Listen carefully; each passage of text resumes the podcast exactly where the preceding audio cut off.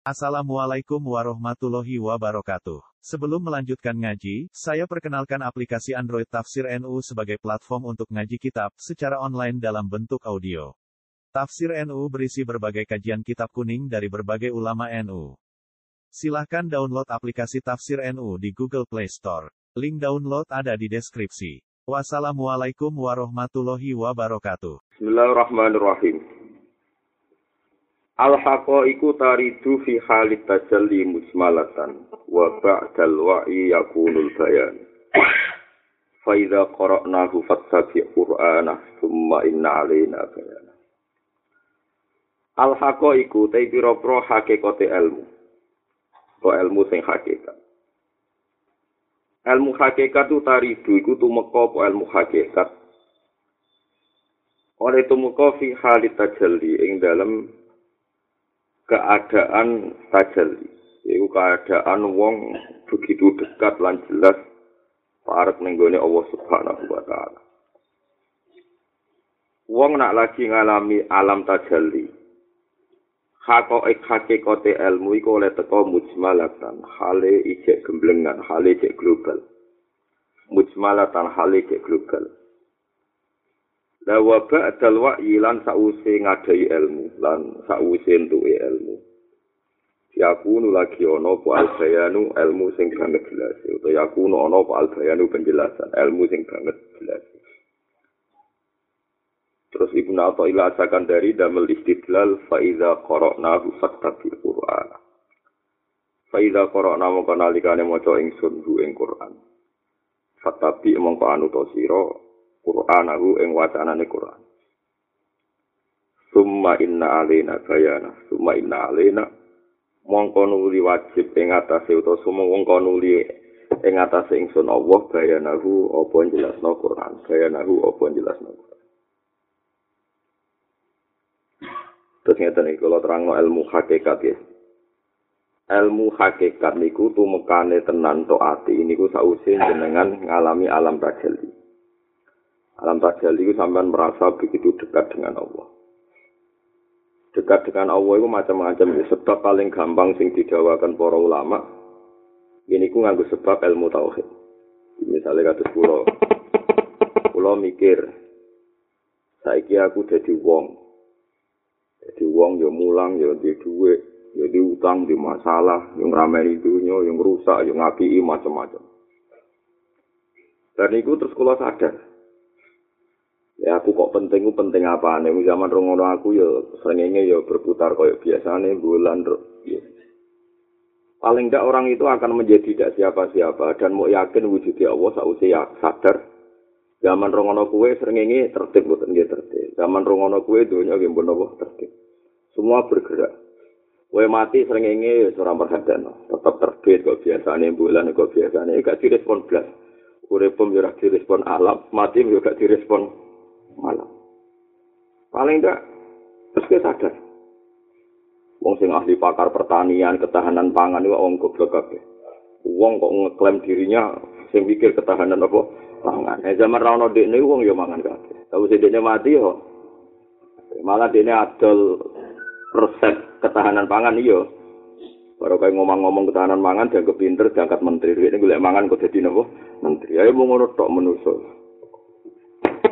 Lah iku sause wong yakin ngoten, sause tajalli, niku terus ana alwayu. Ana ngadai ilmu. Nah, sause ngadai ilmu wong kesimpulane ulillah summadzarhum fi khawdihim yalabu. Dene yakin, ainul yakin nak dunya sing pantes diomongno mesti tok Allah, Allah, Allah. Karena dene ape percaya ngamal, ngamali mesti piro. Ape percaya liyane kabeh yo makhluk. Makhluk iku la sei hakikate ora ana, hakikate ora berperan. Akhire dene wa kaya makome yang yang mundur sumadarhum ulillah sumadarhum fi khawdihim.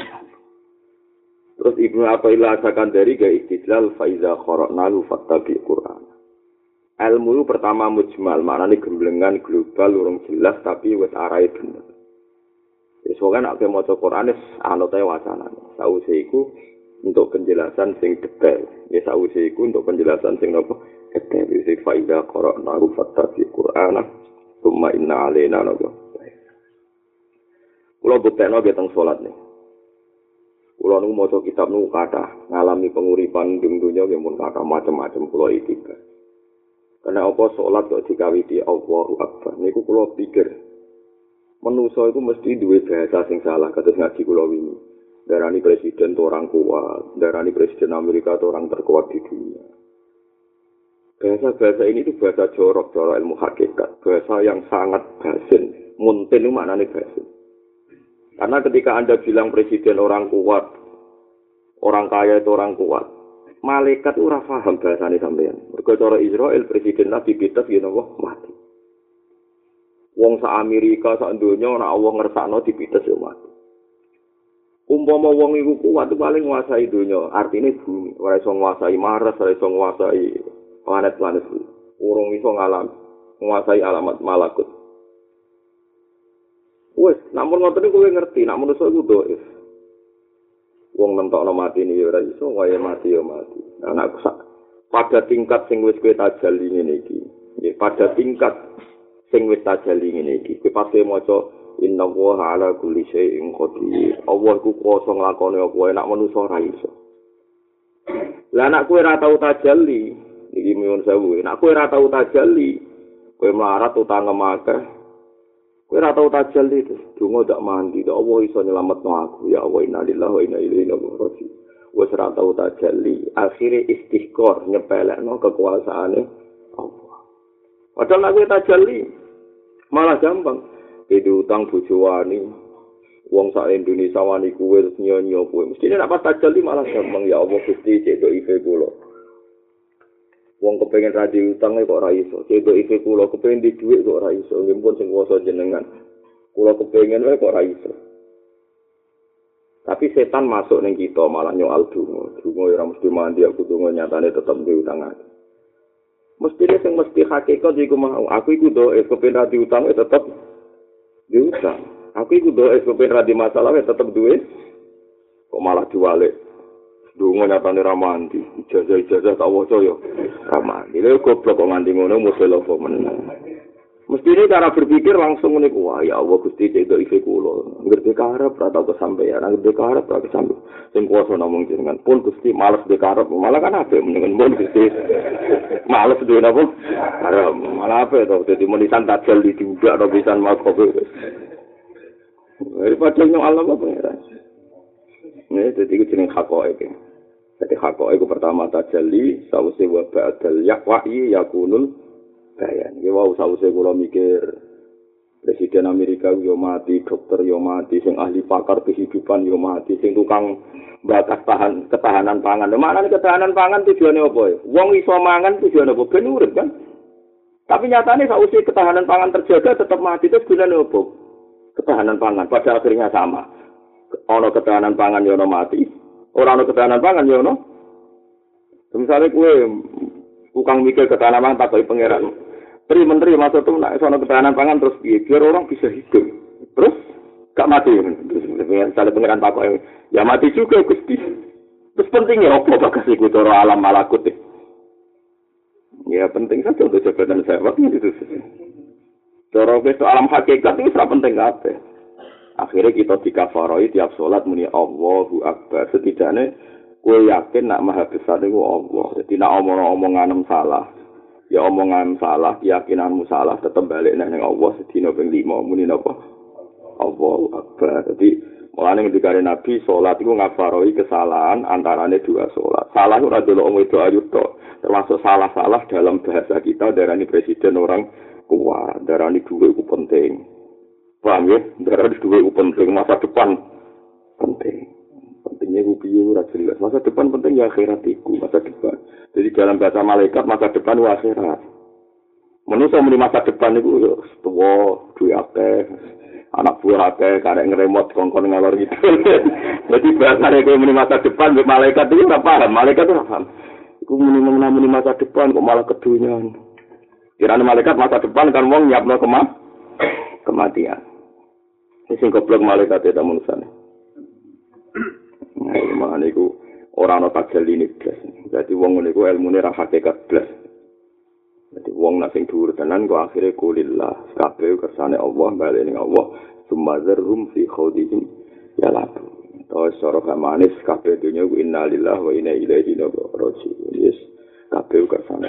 Nah, cara sulam taufik ya mukadimah Pokoke urip kita iku minhu wa ilaihi wa fihi wa lahu. Sampai kiai ini bingung domirno perkara ini fihi wa lahu wa fihi. Boh ngono pokoke urip ya fihi demi Allah lahu krana Allah ilaihi sangka marang Allah minhu saking Allah. Wa hu ha hu pokoke. Lan ana tareka sing wiridan muni Allah ra iso hu hu hu hu hu perkara ini kabeh ku mau domir saan fa usribat makna domiris sani fa uribat fil khanibil Hani, jadi wong nak makom es dhuwur iku wiridane domirsan. Domirsan ora Allah mu hu mergo fa'lam annahu la ilaha illallah. Terus dicupuk hune ning domirsan annahu. Ya kiri wiridan kan wonten to rekor wiridan hu hu. Lah sing malah guri-guri ora paham. Mesti dadi hu ha hu la hu. Mesti kadang ora paham pisan, repot wis. Mbah kono.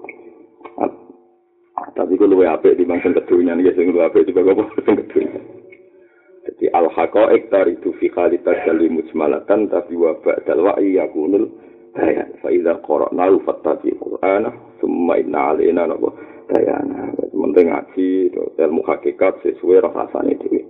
Naro rasane sing malah jenenge bodoni ora tok hakikat nek kowe gawe apa hakikat. Utang ra dipikir anak bojo ra dipikir ora tak bente iki tak bente naron rahmat ora sakakan pola wong rahmat ngono diurusi pangeran. Ora mikir dunia ya dunia anak kowe. Ora mikir dunia tambah ambles Alwari tu min hadrati koharin di ajli zalika la yusadimuhu syai'un illa tabangahu bal naqdhifu bil haqqi 'ala al fatili fatmahu fa idza huwa zahir al waridu te kebenaran sing teko al waridu te al haqqul waris al waridu te barang sing teko barang hak sing teko yakti ngiler yakti ku teko po al warid min hadrati qaharin saking singga sanane utawa saking hadroe zat Allah ingkang kohar kohar iku banget muksane banget kuasane li ajli dalika krana arai mengkono-mengkono an kaunil warid yakin ne hadratil qahar la yusadimuhu ora nabrak. Musodamayu manane tabrak. Nabrak. Sodam manane nabrak. Mulane zaman nak maca tulisan Arab Saddam Hussein itu sodal alif mim Saddam Hussein tukang nabrak. Kalau si bapak itu pengen anak kendel tukang nabrak. Kasil loh nanti anak jadi presiden so boy ditabrak. Ya gitu gitu. Terus ini nama Saddam Hussein. Saddam itu mana nama nabrak. Gitu Wong Jawa ora ora maknane anak ditiru jenenge Saddam. Ya tukang nama nabrak. La iso dilu iku ora nabrak ku ing alwarit apa seun perkara illa damahu kecuali iso menghancurkan apa waris ku ing illa damahu kecuali menghancurkan. Damhun niku ajur sing luluh lantai. Jadi wong Arab nak darani ajur sing luluh lantai iku damahu jadi nak ajur biasa iku ana bahasa Arab tapi nak ajur nganti hancur rebur jenenge damahu illa damahu kecuali menghancurkan apa? Alwaris ku ing terus Imam Ibn Atta'illah sekandari damel iktibas, damel dalil, tetapi damel kutipan bal naqdhifu bil haqqi 'alal batil. Fayat mabuhu fa idza huwa nawa sahih. Bal naqdhifu balik numikano ingsun. Ingsun numikano bil haqqi ing barang hak. Tak numikano 'alal batil ing atase barang batil. Barang hak nek tak dakok ning barang batil mesti fayat mabuhu mongko iso menghancurkan apa barang hak Fayat mauhuhu mongko iso menghancurkan apa barang hak hu ing barang batil. Faizan mongko nalikane ngono, nek wis barang hak nggih menghancurkan barang batil, huwa te barang batil, huwa te barang batil iku zahikun iku barang sing ilang. Huwa kang utai barang batil iku zahikun iku barang sing ilang, ilang sing musnah. Masya Allah subhanallah. Ini kalau terang sidik-sidik yang pun rumah Saman kudu fokus tenan. Saman kepen para pangeran. Para pangeran ra kudu sering wiridan, ya, tapi eling pangeran terus. Dia kula buktikan bahwa teori kula niku bener.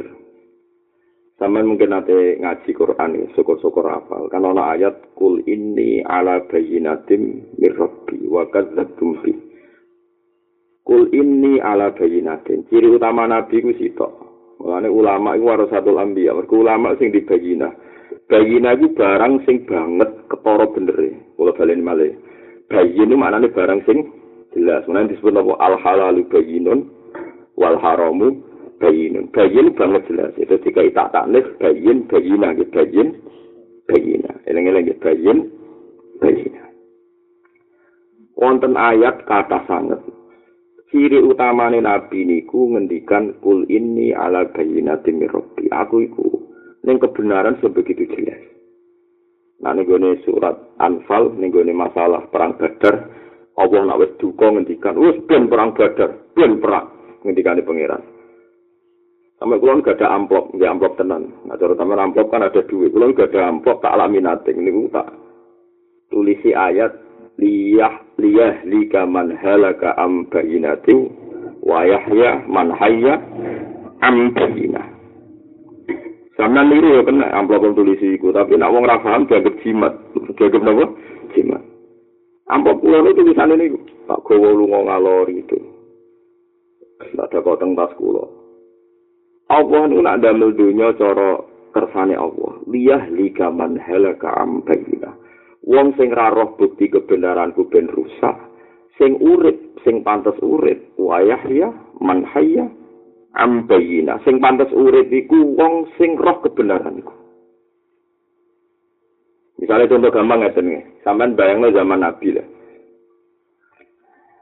Uang sing dididik kanjeng Nabi Muhammad sallallahu alaihi wasallam. niku kabeh nabi sami artine kabeh nabi sami ku nak ana berhoro lata usia iku ora mripate mendelik dadi wong nak sowan ning lata sawangane diingeti bil lata diingeti karismatik watune wis kuno terus sawangane iku bersemayam ning kono beberapa ruh malaikat macam-macam lalu disebut Quran wa tarahum yang zuruna ilai jawahum la sirun kowe nak ning gone lata mbok delok sawangane kono yo males delok kowe Akhirnya bareng didelok lata wong persungkan diluk perkara ini dipliri ide nomor wis. Nah. Terus diarani pengira. Rumana gitu terus diarani pengira. Mana para nabi terus duka atu jadirunani fi asma'in samaitumuha antum wa. Kok iso pangeranku sing gawe kuwe, sing gawe langit bumi. Mbok bandingno mbek pangeran sing rupane watu. Watu mbok arani pangeran, mergo mbok arani pangeran sama itu muha antum wa berhubung mbok arani pangeran mbok sembah hakikate watu. Iki mbok watu muntilan mbok ponorogo. Sekali wong duwe bayina, iku ora kepikiran terus menuhankan watu, mergo pikirane pertama mesti Ya Allah watu iki sing ngukir sapa kok api, iki watu ponorogo apa muntilan. Sing ngukir sapa iki jenis watu gunung di. Wes masih jadi pangeran, mereka dianalisis sebagai sebagai apa? Batu. Lagi jenenge bayina. Semakin ada bayina kebenaran nak watu pangeran, nggak terlintas kepengeranane watu. Mereka kepengeranane watu adalah barang nopo ba batin. Barang nopo batin. Lagi jenenge bayina. Paling nggak gue wis ngotot niku itu jenenge bayina. Makanya nabi-nabi itu dididik kudu nganti faham Islam. Faham Islam itu nganti secara nopo, secara nopo. Jadi disebut kul ini ala bayinatim mirrobi. Nah istilah surat Anfal yahlika man halaka am bayinatim wa yahya man hayya am bayin. Jadi kulo niku teng amplop kulo tak tulisi ngoten ben kulo niku ya Allah Nak panjen kula cek pantes urip, nggih pantes dibayina. Ampun kula urip teng donya tanpa ngerti kejelasane bener agamane jenengan. Kula isin mbek jenengan nak urip mok klotokan tok, ora roh bukti kebenarane jenengan. Kowe wa liyah lika man halaka am bayinati wa yahya man hayya am Jadi ini penting aturakan. Jadi urip itu kudu dua kejelasan. Nah, ini kejelasan barang hakiki apa yang menghancurkan barang batil dan barang batil ora bakal ono. Ya pancen ora tau ono. Lu maksiat itu benten, maksiat itu maksiat, kata tiang nyon sewu, sino maling nyolong ku maksiat. Tapi barang batil ora tau ono. Iku mau misalnya sampai ono keris dari nogo sosro, lakuwe songo. nek dicekel wong ora bakal mati lha sing gawe terus naga sosok saiki ning di blok goblok ayo do napa mati wong sing gawe wae mati kok malah kowe trimo duwe gak mati Wah, ini nak tabrakan selamat. Dia jajal dan pelindas. Terus macam-macam. Jadi ini penting kalau aturakan. Jadi keliru wong zaman akhir. Urep gak dibayina. Ngomong. Ketahanan pangan penting. Presiden itu orang kuat. Nah dalam bahasa ilmu hakikat. Ini hampir wong urep ya rezeki.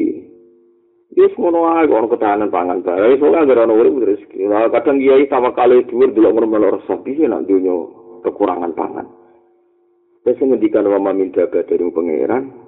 Sing wedi ketahanan pangan menteri. Pangeran mbek menteri kok percaya menteri kiai model opo. Wah, sudah di malah rasa ketahanan pangan terancam. Padahal bar mulang tafsir, wa minta Oh kiai model ini saya pakai pangeran, eh kiai goblok. Gue mau bar mau ayatku tenang-tenang aja, bareng bila berita kok terus. Kemarin jatuh kulo manusia gusti. Ini kita manusia itu percaya nih ambil pangeran. Manusia kok percaya kode nopo ini.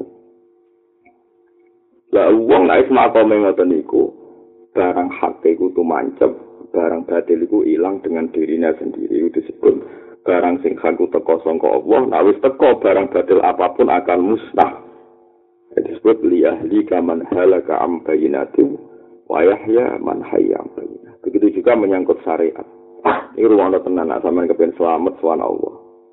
Kowe nak delok bojo, iku aja macam-macam. Anut panduane Kanjeng Nabi. Nabi delok bojo ngendikan fa innahu aghaddu lil basar wa ahsanu lil farji. Gunane bojo ben zina. Jadi cek bujum judo sewani kue, angger cek gelem dikeloni kuwi kabeh. Yo lan dadekno kue boten zina. Wis ngoten mawon. Kok arep-arep bojo ke teko disambut, didusi kanyu panas macam-macam. Wana-wana dhewe nak kesel kok banyu. Ya terus. Ya bojo ini ngerti ada di duit. Pas mulai malu apa nanti anget, malah takut ibu malah repot. Itu berlebih. Dulu anak gimana? Uangmu mesti mati. Kue saiki nak jadi kiai ngerasa ngurip-ngurip Islam. Lah oleh ngurip-ngurip piye wong kue dhewe mati. Nggih, kula bali malah. Oleh ngurip-ngurip piye wong kue dhewe mati sing ngurip iku ana. Mane kula nu ambek anak hormat, ambek nate dilori tonggo Gus jenengan ambek anak kok hormat kena apa? Lah aku ora ndelok iku anakku, iku sing nerusno tauhidku, sing nerusno Qur'anku, sing nerusno perjuangan. Aku iku mesti mati. Jadi para wali, para nabi terutama, nak ndelok anak iku generasi penerus tauhid mulai dihormati itu barang hak mergo terus tauhid itu barang hak jadi nak gue jajak anak dan anak anak kecewa sanggup baik koyok kue ono wong kafir mualaf utawa ono wong fasik mualaf buat servis ben mukmin buat servis ben saya kira dulu anak yang ngono kita servis ben seneng kebenaran kita turuti ben seneng kebenaran seneng ngaji sanggup baik sodako ben ono generasi seneng nopo ngaji Dua ge ngoten. Iku sing disebut warisane para nabi. Fahab li milladun kawaliya yarisuni wa min ali Yaqub waj'alhu rabbi radiya. Jadi Gusti ndelok anak mau anak sing marisi tradisi kenabian. Saya kira ana nabi ya tradisi keulamaan. Ora wong saiki delok anak iku kapitalistik. Sampai anak sing sayang dari sepen tua kono sing rumat. Lah sing ngerti nek nganti tua sapa. Iso anak mati sik to kowe mati Iku barang batil kabeh cara malaikat sing rasa tetanam nak kowe iku mati sesuk. Terus kowe ngomong-ngomong, anakku tak rumah, kayak no negeri ben sebenak tuwa aku urip kowe enak. Dari malaikat mati sesuk kok bakas tuwa. Sampai cara malaikat wis rasa tetanam ya. Lah misale iso wae ku urip nganti tuwa, malaikat sing dadi rezeki ngerti tuamu rezekine kok wong liya anak mlali kuwe catetan iku. omongan ini ku barang batul kabeh. Tapi nak ngomong ini malaikat rawani bantah, kualat nak bantah malaikat. Gusti anak kula niku paringane jenengan. Niki kersane ngawal kalimat tauhid wong kula mati. Niki titipan kalimat tauhid kula. Kula mulang wong liya ora mesti percaya, tapi anak kula ora percaya wong anak kula. Malaikat rawani bantah kualat mergo orientasine wong iki ilat tauhid. Ya, orientasine ini ilat ilat tauhid. Mulane delok teng Kowe nak maca Quran kados kula niku nangis. Para nabi ku mau ngendikan ngeten tok. Wattaba'tu millata abai Ibrahim wa Ishaq wa Yaqub. Maka lana an nusyrika billahi min syai. Dzalika min fadlillah alaina. Dzalika fadlu wa alaina wa 'alan nas. Aku iku duwe agama iki ya mung sitok anut bapak-bapakku. Bapakku anut bapak-bapakku. Rungono Jadi kebenaran itu mau diwaris secara gen. Kaya saiki anak-anak wong fasik. Rasolat. Tapi do Islam. Rata-rata anak Islam. Setidaknya dia mari si iman. Paham ya? Anak pendeta, anak wong kafir, sing ratau zina, ratau maling, berhubung anak wong kafir, anak wong Kristen, rata-rata anak gini apa? Kristen. Wong Islam sing ra salat sing fasik rata-rata ana itu tetep Islam paling gak bapake duwe gen Islam, duwe gen napa? Islam. Mane agama iki menghormati nasab, menghormati gen. Delok ning sur Nabi Yakub, am kuntum syuhada ayat hadara Yakub al maut. Isqala li banihi ma ta'buduna min ba'di. Qalu na'budu ilahaka wa ilaha abaika. Contoh nak aku mati, iku terus kue kegiatan mau apa? Sing mbok sembah itu sapa? Kula nyembah ibadah teng bapak pangerane jenengan lan pangerane bapak-bapak kita. Lha gak lucu sampean saya kangen-kangen nama Quran. Pangeran itu Rabbul Alamin apa pangerane bapak. Mun sampean saya apa? Kan Rabbul Alamin. Jenenge pangeran itu pangerane wong sak. Dulu tapi orang dulu para nabi merasa Tuhan itu miliknya sehingga merasa harus dijaga Gua balik malah Awal istilah mazhabe iku alhamdulillahi rabbil alamin. Yo dari istilah pangeran, istilah pangeran nah Allah ku pangeran wong sak donya. Mergo pancen hakikate Allah pangerane. Tapi nak kowe ora pati oleh muni ngono iki. Kowe nak muni kudu ya Rabbi ya Rabbi pangeran ingsun he pangeran ingsun. Ben kowe merasa memiliki iki wekmu dadi kudu mbok jogo. Kersane mbok jogo agama mbok jogo. Ora iso kowe muni donga ya rabbal alamin iki pangeran wae. Kesane kowe ora tanggung jawab gak merasa miliki. Paham ge? Ngene kok ora ero, mungkin berapa? Paham ya? Mulane donga muni ya rabbi iki pangeran ing sopir kowe merasa napa memiliki.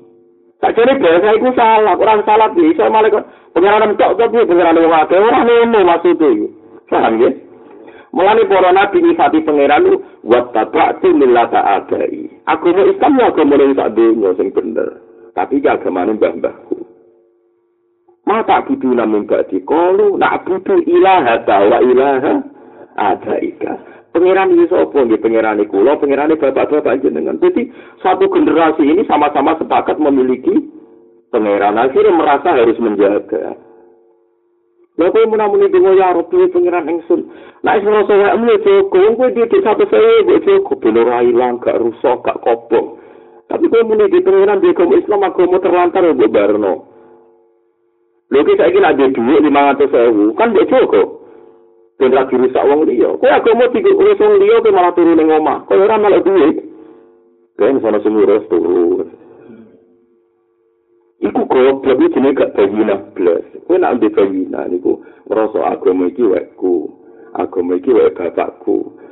Tujuane merasa napa? Memiliki usirine para nabi ora tau muni ya rabbal alamin. Rabbul alamin iku dhewe Allah atau hakikate pangeran. Tapi semua doa mesti ya rabbi rabbana. Karena merasa napa? Memiliki disebut wattaba'tu millata abai. Disebut napa? Nak butuh ilaha ka wa ilaha abaika.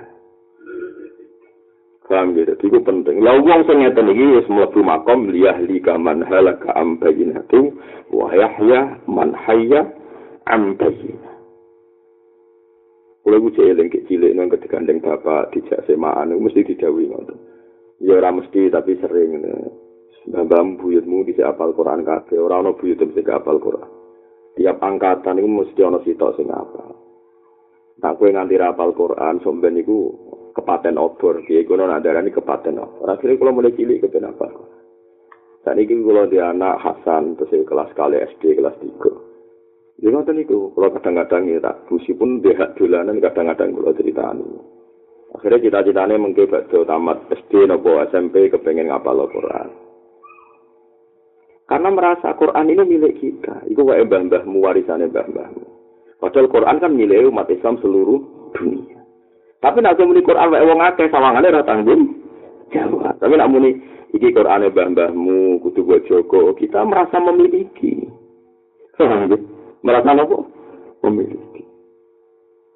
Mana Rabi Adawiyan Abu Swarga itu, saya ingin berdua denganmu ya Allah. Karena ada Abu Swarga dia kecewa. Ternyata mencintai kamu orang biasa. Lagi pengiran kayak gini kok. Ini mengakhiri, saking seneng orang kayak gue. Paham ya? Mesti itu ora terima. Lu ngomong kok tutup bang pengiran tenang. Ini kayak gue. Saling sini ya teman. Nanti nggak muto. Malah gue barno. Lalu seneng pengiran itu mau cek Paham ya? Ya Allah, ya kok ana urip ngono, ngono paham ya. Dadi cara aneh cara wong sing wis usul kok aneh. Lan disebut kul ini ala bayinatim mir rabbi kabeh nabi nak istilah pangeran rabbi pangeran ing padahal hakikat pangeran itu pangeran wong sak dunya. Paham ya, terus saiki mulai nak muni ya rabbi ku sing mesra, sing rasa ini milikku, jadi harus saya jaga. Quran iki mau iki kitab iki Quranku. Nah, kowe nek delok anak ngono, iku insyaallah kowe iku ngakoni barang hak. Insyaallah anak ora nakal teman-teman. Upama nakal ya cepet tobat mergo dari awal iku mau mbok delok sebagai yarifuni wa yarifu min ali yaku. Nah, istilah Sayyidah Maryam napa semuti eh uh, Zakaria inni nazartu laka ma fi batni muharraran fataqabbal minni.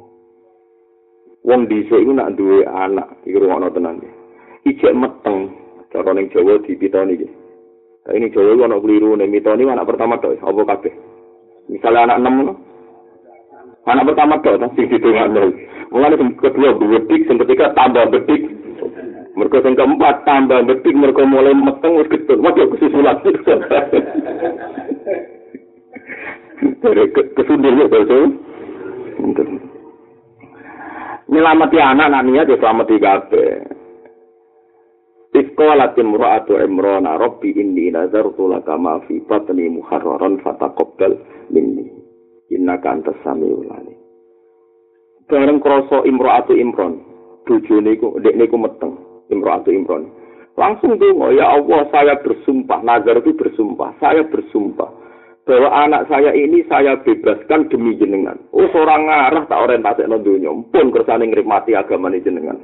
Jika mana seorang bapak ibu itu komitmen aku raduin niat caiki bahagia anak aku dari segi materi. Nah kita dulu anak itu kadang-kadang ben rumah saku nak aku tua macam-macam. Tapi para nabi didik ini nazar tulaka ma fi batni muharrar. Muharrar itu bebas min di dunia. Ayil muharrar an sawal di dunia. Bebas sangka urusan dunia. Setidaknya orientasinya akhirat. Orang ngurusi dunia, orang terus tengok-tengok lagi. Wong dagang, ben suge, jadi kekuatan Islam yang ngurusi agama. Wong jabat dan ngelindungi Islam yang ngurusi nopo agama. Ojo kong jebin pintu dari Senawawi. Ojo kong jebin pintu orang ngurusi dunia terus tengok-tengok. Saya tuh lupa alam alam nas, tetapi begani menu. Menurut saya sukat sing cukal, sukat pintu orang tahu ngaji. Maksudnya ngurusi ngurusi agama, orang terus tengok-tengok. Ame nyaponi masjid. Lah masjid disaponi mergo ana masjid di sembangan mesti dungo, goblok goblok. Mbok saponi kok mergo apa nih? Masjid, masjid dibangun bezuit dengan duit. Mau duit anak-anak. Masa masjid ini dibangun oleh zuhud ya orang masjid itu dibangun oleh duit. Jadi mulai teng kandungan niku pun diwakafno. Ini nazar tulaga mafi batni haram. Jadi mulai ning kandungan diselamati ben anak iki orientasine ngrumat agama. Engko ijek cili yo mau didelok fahabli miladungka wali. Mulane Nabi Ibrahim nak delok Ismail do pelayon, Ishak do pelayon iku muni alhamdulillah. Seperti alhamdulillah wa alladzi wahabali alal kibari Ismail wa Ishak ina rabbi alhamdulillah. Jadi donga nangis. Gusti matur nuwun kula wis tuwa kok jadi anak Ismail Ishak. Bocah bepayon di delok matur nuwun Gusti kula pun siap mati mun nenten generasi ini kula. Mpun, bareng Ismail be Ishak wis dodolanan di Nabi, Nabi pun cek nangis, tapi saiki jingben ge mati. Nuwang isa kira donga Rabbana wa fasihim rasulam minhum yasu alaihi ayatika yu'allimuhum kitab wal hikmata wa yuzakkihim innaka antal azizul hakim. Gusti, kula niki nggih mati, anak kula niki nggih mati, pun sakniki dongane diperpanjang. Kula niku kudu duwe zuriyah sing nyembah jenengan terus sing saged mulang kitab terus. akhirnya orang nabi kecuali min zuriati Ibrahim alaihi salam. Mereka ini dulu khawatir nak agama itu mati. Tok anak tok ngonang mati, tok putu tok mati. Terus dengan umum zuriat kulo, turunan kulo, kudu tok nyembah jenengan kabeh. Orang sekedar nyembah tapi iso mulang. Mengenai kulo itu fanatik mulang. Mereka ciri utama Rasul iku mulang. Nah kita ulama warasatul ambiya ya mulang. Mereka Nabi Ibrahim dengan Rabbana wat asihim Rasulam minhum yatlu alaihim ayatika. Yatlu alaihim berarti mulang kan ono alaihim. Membacakan kepada mereka. Kepada mereka kan berarti mulang. Mana ngomong kosong, nah orang alim uzlah bener keliru. Uzlah itu nak wong alim gak apa-apa. Misalnya kumpul wong yang ana gunane dhewe anis ben ngono. Nak wong alim kudu mulang. Tapi di luar mulang nak iso. So aman kumpul wong ra mulang basa-basi, malah bakas merek mobil macam-macam. yasku alihim ayatika. Terus wa yu'allimuhum kita akhirnya tenang. Nabi Ibrahim dua anak Nabi Yakub Nabi Yakub Ishak ya Ishak ini. Nabi Ibrahim dia anak Nabi Sinten Ishak. Nabi Ishak dia anak Nabi Sinten Yakub Nabi Yakub dia anak Nabi Sinten Yusuf. Terus dia anak rata-rata ulama Mesir nih Terus badhe niku Nabi Ibrahim dhewe anak Nabi sinten Ismail. Saiku terus to Sayyid Abdnan sesuai to kanjeng Nabi Muhammad sallallahu alaihi wasallam. Kanjeng Nabi Muhammad kata zuriyah ila yaumil kiamah. Gini ku para habaib. Sing habaib sing zuriyah sangka lanang, utawi zuriyah Nabi sing boten habaib akhwal. Uh, patah tiang-tiang alih. Mulai kata Sayyid Muhammad, Habib Zain bin Semit. Teng Indonesia wonten misalnya Habib Anis Solo, wonten macam-macam. Jadi zuriya Nabi Ibrahim mulai sing kelas Nabi sampai akhirnya sausi Rasulullah sebagai Nabi akhir zaman wonten para habaib. Yang tiang alim ngatus Abdul Al Haddad sing nyare ikhya anu Habib Said Azabidi terus teng Indonesia ini wonten Habib alim ngatus Habib Anis. Saat ini sing si Sugeng Habib alim kelahiran Indonesia Habib Zain bin Semit itu kelahiran Bogor. Terus ono sing nyetu alim ayat terus Artinya kekhawatiran Nabi Ibrahim rano sing nyembah pangeran itu terbayarkan mergo beliau khawatir pangeran lagi sembah kepengin di Zuria. Jadi kepingin di Zuria ben selalu ana sing nyembah pangeran. Nah kita kadang ora kepengin Zuria nggo diorientasi ben dunya ora keliyo ben ana sing ru rumah. Lah iku berarti materialistik. Kita aja sing ngono iku. Kita iku urip di barang hak. Liyah jika man halaka am bayinati wa yahya man hayya am. Lani kula ijazah jenengan, paling gak jenengan ing duwe lah, teng kotak jenengan apa teng buku ditulis. Nak pantes sing urip, urip iku kudu roh kebenarane pangeran. Mergo dawuh Allah teng surat Anfal, dunya iku ngene lho ya, pantes pantes sing urip ku wayah ya man hayya am bayina. Paham ya sing pantes urip. Aja terus kowe misale ra bayar tak mati kowe yo aja maksudnya malang ngel-ngel wong to utang-utang sahur anak-anak waris se lagi mati. Oh, malah terus apa ke mati mati iso sopan nang mesti sing tertib. Ya piye Allah bakas warisan. Anak mati ra ninggal warisan terus gunane yusikum wa fi auladikum lizakari misu khazil unsayain fa in kunna nisaan faqas nataini falahunna thulutha ma tarak wa ingkar swahidatan falahan nisa dadi pangeran bakat kowe nak mati kok ninggal anak wedok loro atau sak mendhuwur iku warisane 2 per 3 sulusan nah anak wedok mung sitok falahan nisa untuk separuh dibakas di lima sudah kareng ruhin mati Oh, gak ada warisan. Ya sakit kok Quran wis bakas di lima. Ibu itu untuk sudus nak anak-anak jadi kata ibu kula ini untuk sudus nak anak-anak naruh anak-anak untuk sulus mana kula sering ada ibu kula ini nak iso mbok praktek Dek iku kudu iman be senajan to sampeyan ra iso mbok lakoni. Faraid ora sangen tadi mati, yes iku gambarane pangeran. Ini rumah lagi. Tapi nanti bujum kira-kira tambah ngamuk, iso aja ora usah ngomongi, paham ya? Di bang perkara. Cara kula nih, cara kula. Cara kula ya. Nak sampean bicara sing luwih apik nggih gak apa-apa menentang pendapat saya. Tapi kalau ndak ya anut mawon paham gitu terus orang lama gini. Bojo wedok ya kan ya, ya berbojo wedok maksudnya dibakaskan sing ngomong lanang gitu berbojo wedok kan ngeten. Misalnya bojo kula mati, kula kan bojo lanang. Kan walakum nisfu ma taroka aswajiku. Jadi bojo lanang iku untuk waris separuh. Nak bojo wedok nanti anak. Kowe coba kata anak terus Anak sing bojo lanang ra mesti kan bakasan kadang wong kan rapi rondo to kan. Dadi bojo kadang duwe anak. Nak bojo duwe anak warisan iku walakum baru separuh sampai seperempat. Nah bojo wedok iku warisane seperdelapan sampai seperempat. Separuh. Nanti iso dihitung. Walakum taruh kazwajikum. Artinya itu dihitung. Ibu nak rasa seperenam, sepertiga. Artinya tak kandani. Aku rasa mati, deh. Rasa ngenteni mati. Giling-gilingan. Nah, dari awal ibuku ini untuk jatah seperenam. Mengaku dia anak. Kue mau untuk jatah seperlapan. Mengaku dia anak. Seperlapan, seperenam atau ini? Seperenam. Jadi yang saro itu ibu, ibu ju wis ketok akeh. Ibu. Masa itu uang gak wis do rapi. Mbok ambek bojo menang iki. Kowe jaga ana bojo mbek mak sering didik. Malah nak rombo itu nyari digerus. Sing digo modal dunyane mbok tapi hasilnya di servisno. Ibu. Oke, oke, makhluk kayak gitu. Iku apa-apa, Tapi dilakoni kok perkara. Tak takut ada perang besar di antara kalian.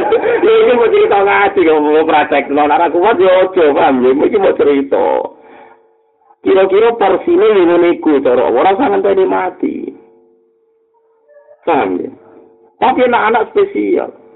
Anak wedok wa ingkarat wa khidatan salahan disef. Anak wedok sih, tak lendas separuh. Nah, loro dua per tiga. Lalu sekali ono ibnun, asobah bilwiri, fil zakari, musuh khabil, unsaya. Lha nak paman wis wong liya, kan. Paman sekali ono ibnun, paman yo mahjub, dulurem kantung yo mahjub. Pomnah ponaan. Tapi nak ibu kan iso ngono. Mahjub. Saiki wong be ibu, tapi alhamdulillah. Bujuk kula yo seneng tenan, jen bujuk kula anak kiai, bujuk kiai seneng. Ya bojo kowe ra omong, ibu mulai ya posisine ngono iku. Gergo di dhewe wis ngono. Saniki anak kula kalau dia anak gue SMP kelas kali. Dia pinter gitu. Dia pinter gitu. Dia sempur kula kandani. Nah, akhirnya kayak lah kita aja. Nanti kalau saya kaya, Pak. Nanti Bapak juga dapat jatah. Tak didik mulai cilik. Jadi uang bener duduk. Setidaknya orang sangat dari mati. Anggap aja gambarannya pengiran, hak ibu ya kisaran sudah sulus suami, hak ibu sekitar rubuk sumun, hak anak wedok ya sama. Jadi uang terbiasa ambil dingin. Orang urip saya wis nuruti nafsu. Tekan sing santri lho, den alumni pondok lah. Roto-roto santri nak alumni boyong. Itu juga model lah dunyane bapak mbok. Mbok hasil happy-happy ini tinggal besok. Terus rasa mulai apa jawab ya? Ini ngono kok pondok baru kan. Mana kira anak beli beli. ya tapi iki aja kok ini ono perang besar. Maksudnya cara kula nih cara kula sampean lah kudu anut kula. Maksudnya kula niku duwe pendapat kira-kira gambaran hak ibu hak anak itu gambaran teng apa? Nah, ono ya ono piye sing bantah. Niku sarok tak ngenteni mati kesuruh mati. Kowe nak ora ana tak ora usah bantah. Sementing kira-kira gambarannya pengiran ngono iku. Jadi kalau ngakoni hukumnya Allah ngenteni ke mati, nah aku alhamdulillah cek urip wis ngakoni tak jawab ngono dadi. Tapi kan ngenteni iku ngenteni apa? Jadi Allah nak iya gambaran. Cara kula nggih sedengan. Sedengannya adalah anak ibu untuk seperenam misalnya berganti anak. Kan ya normal kan sing lahirno kuwe. Ora sekedar lahirno minak ning Jawa, tekan omah ibu goni ya wae mbokmu. Gitu nggih. Kok kacau malah saja nih sak dhuwure investasi sing saiki berkembang yo. Wae warisan nih. Maksudnya wae mbokmu. Kacau kacau wong cewek kok kacau kacau spesial nih bojo ning cewek spesial. Mulai yang bukan bagi aja terus. Gue kan sering dikonco alumni pondok. Dolan apa berjuang terus ada ini. Kalau niku konsultasi dengan bujuk langsung saya tak telepon. Tak situ. berjuang rebukan di buji gue serangan gitu. Jadi orang berkata sini dari sini nggak buji gitu cara bukan dia tapi aku rasa itu karena berjuang di om dia gak situ wes wes berjuang mau soal ngajak ngomong itu bahaya ke depan wes ya kamu aku bilang aku tak jamin Akhirnya ora sida tenan sama kan janut kula nggih makome benten tapi kula mau cerita mawon mboten mboten dadi ora kudu dadi madhab ora kudu dadi napa madhab Ya ibu kok rambut spesial nabi. Wong dikane kanji nabi rohima anfun, summa rohima anfun, summa rohima anfun. Wong cek elek, wong wong Arab nak ada wong elek, wong sing urunge iku grumpung. Wong nabi istilah rohima iku grumpung, anfun mana ada irung. Wong kok nganti irunge grumpung elek wong tuh. Pesek wae elek wong nek grumpung. Lalu wong cek elek grumpung terus sahabat sing takok, karena nabi ngendikan sampai tiga kali. man huwa ya Rasulullah. Niku sinten to sing jinan gremengi urunge napa? Grumpung man adraka abawaihi au ahaduhuma falam yudkhilahul jannah. Aneh wong menangi bapak ibu e to menangi salah sisi kok ora dadi mlebu suwar Ini suarga itu paling efektif. Itu tiketnya yang merumat ibu atau merumat bapak. Paham Tapi tiket ini kita abaikan. Tapi cara Nabi aneh, uang menangi bapak atau ibu kok gak mlebu. Artinya ada tiket di depannya untuk orang baik ada mlebu nopo? Suara. Tapi kita kita ini tidak beli tiket ini karena ada tiket yang menakutkan. yang itu kan tidak tua lagi. Mau mulai kecil tanpa langit, tapi insya Allah Ya tapi kalau biasa, lebih sekolah nggak di jalanan, betul khatam. Dia ngaji ngaji kayak ngeten dia biasa. Dia betul betul setuju, setuju ya Gus. Aku lah rasa seneng. Nak ada kiai di nih, saya menjadi itu. Jadi dia ini ini, bukan ada pamit. Nak pamit anak gue sering. Siap sama gue. Nah bucu gue pamit, nunggu itu gue pamit sing lanang. Kan gak ada nih hati sing lanang lagi pamit gue. Tapi alhamdulillah, mulai rapi, nganti saat ini menerima konsep itu. Wah, ngeri kalau kalau kiai aja ngomong ngono mesti ke macet. Jenengan ngalim tak ada itu, tapi nak fatwa iki. Masalah itu berapa? Mesti dijantai itu masalah berapa? Nah, yang bisa perang besar sini. Mari salah ya, saya mulai kawin nih kan, gue seliwat, tentu seliwat seliwat itu terus alo deh. Makanya saya mau ketimai, karena saya mulai nikah itu ngaji jalalan istri saya ngaji. Jadi tidak salah awalnya. Sama ini salah. Lagi ojo ojo ojo di kolonin. Maksudnya wis keliwat terus diterima keadaan ini diterima diterima secara baik-baik. Kita mau hadis. Wong lanang sing lunga ora pamit bojone kualat ana kan. Sing ana wong wedok ora pamit sing. Jadi paham ya, jadi kabeh nabi ku banggane be anak. Bojo yo diapi, tapi kabeh nabi banggane be anak. Alhamdulillahilladzi wa hadali alal kibari Ismaila wa Ishaq. Dadi Nabi Ibrahim ngantuk Ismail dolan nangis. Semua nang nangis ya Allah Gusti niki sing terus no agama jenengan.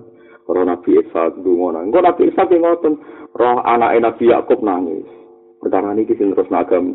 Nabi Yakub roh Nabi Yusuf nangis. Perkara niki sing terus agama jenengan. Ya sebab niku Nabi Yusuf mistilano agama Islam wa tabatu millata abai. Jadi ngerasa milik Islam lu yang mbah-mbahku kudu tak joko. Saya ini uang milik Islam agama ada uang akeh, ya tenan, tapi kan terus dia akibat merasa ndak ndak tanggung jawab. Mulai istilah demo ya Robbi. Tapi misalnya dia namun ini ya Rabbal Alamin. Jadi pengiran, saya mau ini ngapain ini.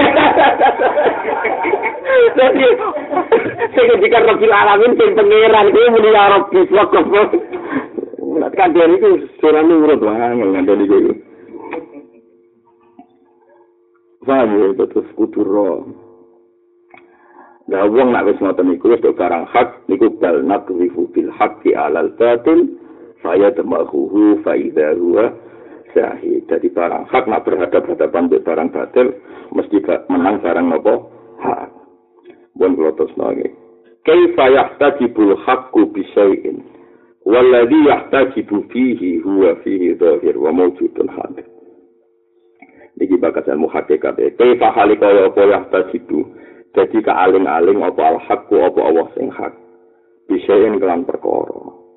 Bagaimana mungkin Allah sing zat sing paling wujud hakiki kealing-alingnya terhalangi oleh barang liya? Ora mungkin wong barang liya ku eksistensinya gak jelas gak mungkin ngalah wujudnya Allah subhanahu wa ta'ala.